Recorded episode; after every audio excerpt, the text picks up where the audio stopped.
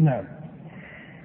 قال رحمه الله وإن القرآن كلام الله منه بدأ بلا كيفية قولا وأنزله على رسوله وحيا صدقه المؤمنون على ذلك حقا وأيقنوا أنه كلام الله بالحقيقة ليس بمخلوق ككلام البرية فمن سمعه فزعم أنه كلام البشر فقد كفر وقد ذمه الله وعابه وأوعده بسقر. حيث قال تعالى سأصليه سقر فلما أوعد الله بسقر لمن قال إن هذا إلا قول البشر علمنا وأيقنا أنه قول خالق البشر ولا يشبه قول البشر. ومن وصف الله ومن وصف الله بمعنى من معاني البشر فقد كفر فمن أبصر هذا اعتبر وعن مثل قول الكفار زجر وعلم أنه بصفاته ليس كالبشر. نعم. المصنف بعدما ذكر مسألة النبوة ذكر مسألة كلام الله سبحانه وتعالى. وتعلم أن من أصول الإيمان بالله الإيمان بكتبه سبحانه وتعالى وهي الكتب المنزلة على الرسل عليهم الصلاة والسلام. وأخص هذه الكتب وأعظمها وأحكمها هو القرآن الذي أنزله الله على نبيه صلى الله عليه وسلم. وتعظيم القرآن مجمع عليه بين المسلمين. ولكن لما عطل الجهمية والمعتزلة الباري عن صفاته ولم يصفوه بصفات الكمال كان من تلك الصفات صفة الكلام. فقالوا إن كلام الله مخلوق. ولما كان صريحا في القرآن أن القرآن كلام الله تبعا لهذه المقدمة عندهم جعلوا القرآن مخلوقا. فالمعتزلة والجهمية تقول إن القرآن مخلوق. لما؟ لأنهم معطلون لصفات الله أي لا يثبتون صفات الله سبحانه وتعالى فلما لم يثبتوا صفاته وجعلوه معطلا عن الصفات جعلوا الكلام مخلوقا. ولما كان صريحا في القرآن أن القرآن كلام الله قالوا والقرآن مخلوق.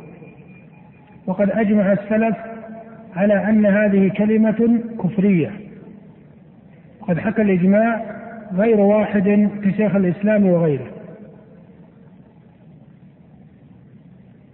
فمن قال إن القرآن مخلوق فنقول إن هذا القول كفر. بل القرآن كلام الله سبحانه وتعالى حروفه ومعانيه وهذا التقرير هو فرع عن الأصل المقول في الصفات وهو إثبات صفات الكمال لله سبحانه. ومن أخص صفاته الثابتة بالعقل والشرع الكلام فإن الله موصوف بالكلام وهو يتكلم إذا شاء متى شاء كيف شاء. وصفاته وصفه الكلام صفة أزلية لم يزل الله سبحانه وتعالى متصفا بها. فهذا هو مذهب أهل السنة والجماعة في صفة الكلام أن الله موصوف بهذه الصفة أزلا وأن كلامه سبحانه وتعالى متعلق بقدرته ومشيئته وأنه بحرف وصوت مسموع. أن الله موصوف بصفة الكلام أزلا وأن كلامه متعلق بقدرته ومشيئته. وأنه بحرف وصوت مسموع. وقالت الجامية إن كلامه مخلوق. وتبعا لذلك قالوا إن القرآن مخلوق. وهذا مخالف لإجماع السلف ولصريح الكتاب والسنة. فإن الله ذكر القرآن وسماه تنزيلا. وذكر القرآن وسماه كلاما له. في قوله تعالى وإن أحد من المشركين استجارك فأجره حتى يسمع كلام الله. ولهذا قال المصنف وإن القرآن كلام الله. منه بدأ بلا كيفية قولا أي أن القرآن هو كلام الله وأن الله لم يزل متصفا بالكلام. والقرآن بدأ منه سبحانه وتعالى قولا له بحرف وصوت مسموع. قال وأنزله على رسوله وحيا وصدقه المؤمنون على ذلك حقا وأيقنوا أنه كلام الله تعالى بالحقيقة. هو المصنف لما قال وأنه كلام أو وأيقنوا أنه كلام الله تعالى بالحقيقة لما استعمل لفظ الحقيقة كان هذا درءا لمذهب الأشعري وأمثاله الذين قالوا إن القرآن عبارة أو حكاية عن كلام الله وليس كلام الله على الحقيقة. ويقول إن هذه الجملة من أبي جعفر الطحاوي رحمه الله تبين أنه لم يكن على طريقة الأشعرية وإن كان قد يغلط أو يتأثر أحيانا ببعض السياقات التي يستعملها بعض أئمة الأشعرية ويكون تأثره هنا تاثرا لفظيا ويكون تأثره تاثرا لفظيا فهو لما صرح هنا وقال وأيقنوا أنه كلام الله تعالى بالحقيقة دل على أنه لا يذهب مذهب الأشعري وابن كلاب وأمثالهما الذين يقولون إن القرآن عبارة أو حكاية عن كلام الله. الأشعري وابن كلاب أثبتوا صفة الكلام لله إثباتا غير ممكن في العقل. فقالوا إن الكلام معنى واحد يقوم في النفس ليس بحرف ولا صوت ولا يتعلق بالقدرة والمشيئة. وهذا مذهب شاذ أحدثه عبد الله بن سعيد بن كلاب وتبعه عليه الأشعري وأمثاله.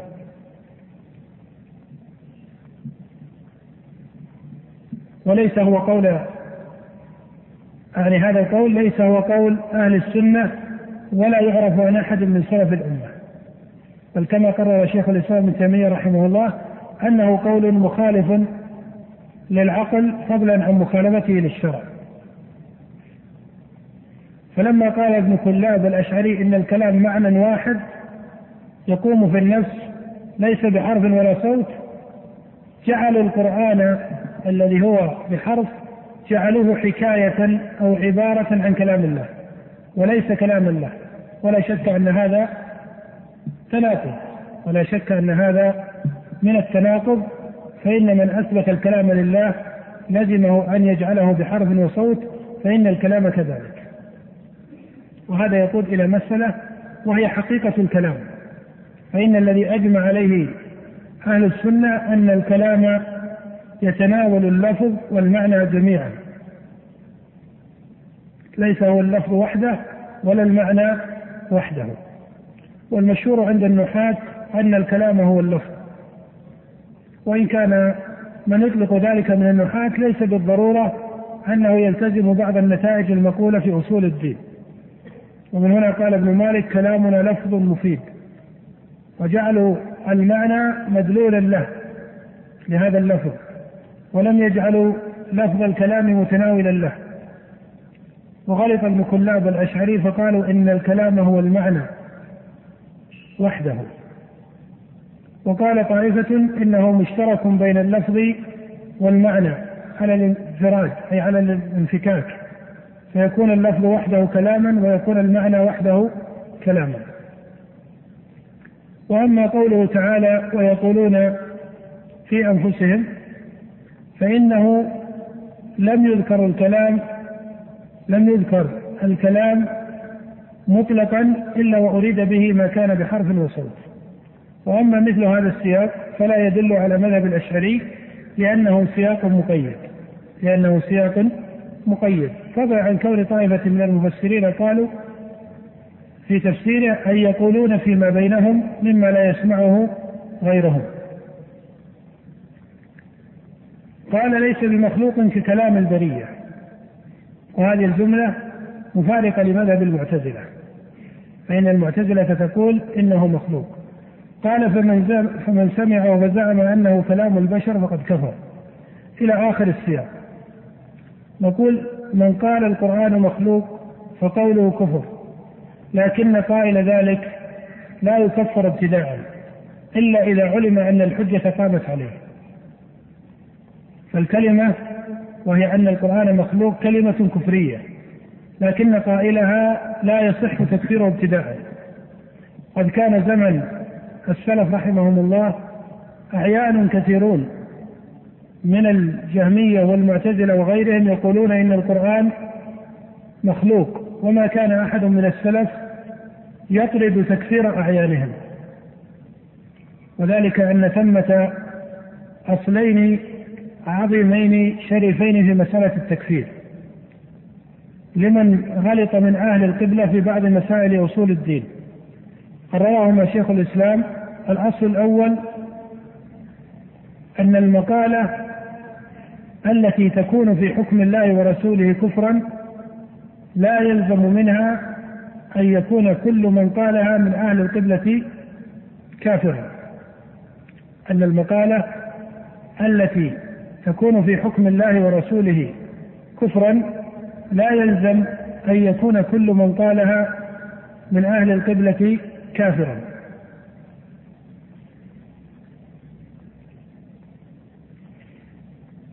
ومن ذلك مثل هذه الألفاظ المقولة في مسائل الصفات كقولهم إن القرآن مخلوق فهي كلمة كفرية ولكن القائل لها لا يكفر ابتداء إلا إذا علم أن الحجة قد قامت عليه.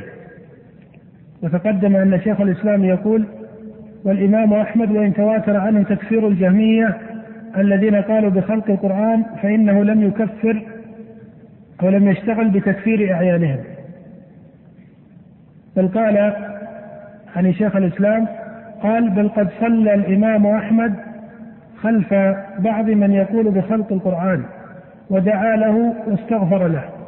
ويعني بذلك المعتصم الخليفة فإنه كان يقول بخلق القرآن تبعا لأئمة المعتزلة. ومع ذلك فقد صلى الإمام أحمد خلفه ودعا له واستغفر له ولو كان يرى كفره لما فعل ذلك. وأما من قال إن الإمام أحمد إنما فعل ذلك خلفه أي الصلاة والدعاء لكونه سلطانا ولو لم يكن سلطانا لكفره فهذا جاهل. لا يعرف ما يقول. فتعلم أن هذه المسائل لا يفكها مسألة السلطنة. بل كان الإمام أحمد لا يرى كفر المعتصم. وتعلم أن كثيرا من فقهاء المذهب وهو المذهب عند متأخريهم أن الفاسق في مذهب أحمد لا يصلى خلفه.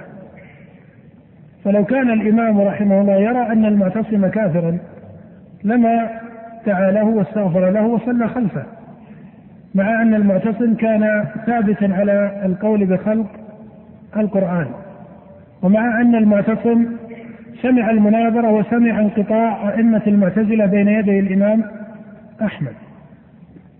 ومسألة التكفير يعتبر فيها ولا سيما في المقالات التي يغلط فيها بعض أهل القبلة يعتبر فيها هذا الأصل وأصل آخر وهو قوله شيخ الإسلام رحمه الله أن يعلم أن الواحد من أهل الصلاة والشعائر الظاهرة لا يكون كافرا في نفس الأمر إلا إذا كان ما يظهره من الصلاة ونحوها على جهة النفاق. يقول أن يعلم أن الكافر في نفس الأمر أو يقول أن يعلم أن الواحد من أهل الصلاة أن يعلم أن الواحد من أهل الصلاة والشعائر الظاهرة لا يكون كافرا في نفس الأمر إلا إذا كان ما يظهره من الصلاة ونحوها على جهة النفاق. ما معنى هذا الأصل؟ يقول أن يعلم أن الواحد من أهل الصلاة والشعائر الظاهرة. من أهل الصلاة والشعائر يعني من يظهر الصلوات فيصلي ويحج البيت ويعتمر ويصوم الشهر فمن يظهر شعائر الإسلام ويتمسك بها ويخصها المباني الأربعة الصلاة والزكاه والصوم والحج يقول من كان من أهل الصلاة أي والشعائر الظاهرة أي مقيما لها لا يكون كافرا في نفس الأمر. ما معنى في نفس الأمر؟ أي لا يكون كافرا في حكم الله أي الحكم الباطل. الذي يوافي العبد به ربه. فإن قيل فما ثمرة هذا الحرف؟ قيل ثمرته أنه قد يكفره بعض المجتهدين. قد يكفره بعض المجتهدين من أهل العلم. وتعلم أنه لا تلازم بين من كفر ظاهرا أن يكون كافرا باطنا. ولا تلازم بين من حكم بإسلامه ظاهرا أن يكون مسلما باطنا فتعلم أن المنافقين عند كثير من المسلمين يحكم لهم بإيش؟ بالإسلام. مع أنهم عند الله في حكم الله ويوافون ربهم مسلمين أو كفار كفارا. وتعلم أن المنافقين زمن النبوة كان جماهير الصحابة لا يعرفون عامتهم أو أكثرهم. بل إن ظاهر القرآن يدل على أنه كان من المنافقين زمن النبوة من كان النبي لا يعرفه أو لا يعرفه. قال الله تعالى وممن حولكم من الأعراب منافقون ومن أهل المدينة مرضوا على النفاق لا تعلمهم نحن نعلمهم.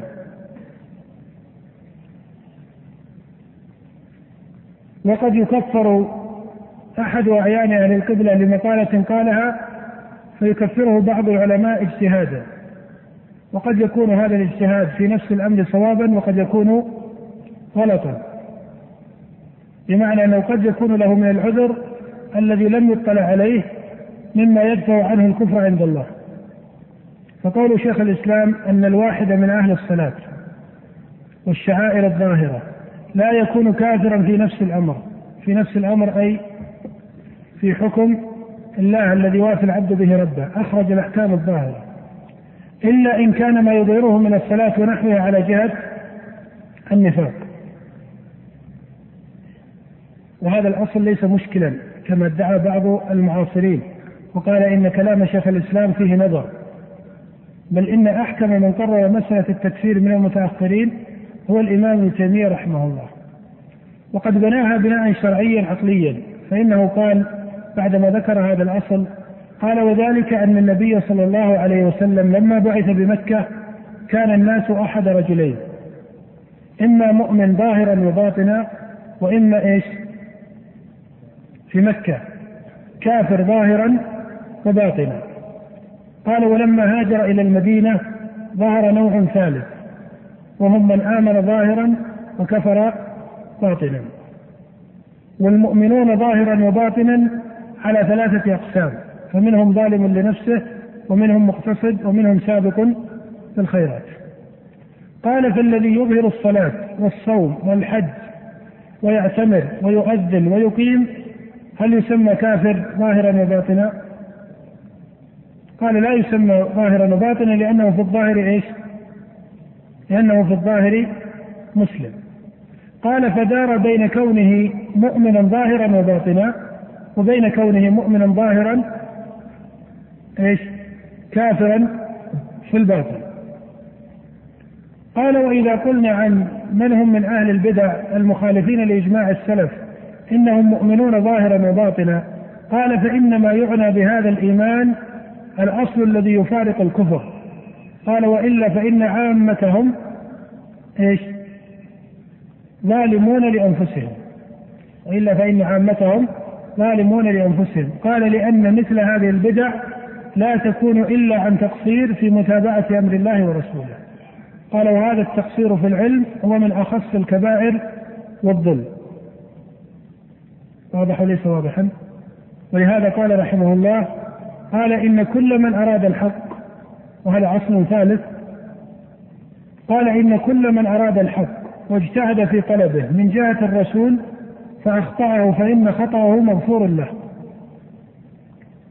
فذكر ثلاثة شروط. أن يكون أراد الحق أن يكون اجتهد في طلبه أن يكون طلبه إياه من جهة الرسول صلى الله عليه وسلم. قال فمن عدم الإرادة أو عدم الاجتهاد أو طلبه من غير جهة النبي فإنه يكون كافرا. قال وأما من أراده واجتهد فيه من جهة الرسول فأخطأه قال فإنه في الأصول الشائعة بين المسلمين لا يخطئه إلا مقصر إما في مقام الإرادة أو مقام إيش؟ إما في مقام الإرادة أو مقام الاجتهاد. قال فهذا هو الظالم لنفسه. قال وعامة أهل البدع مقصرون في مقام الإرادة مقصرون في مقام الاجتهاد.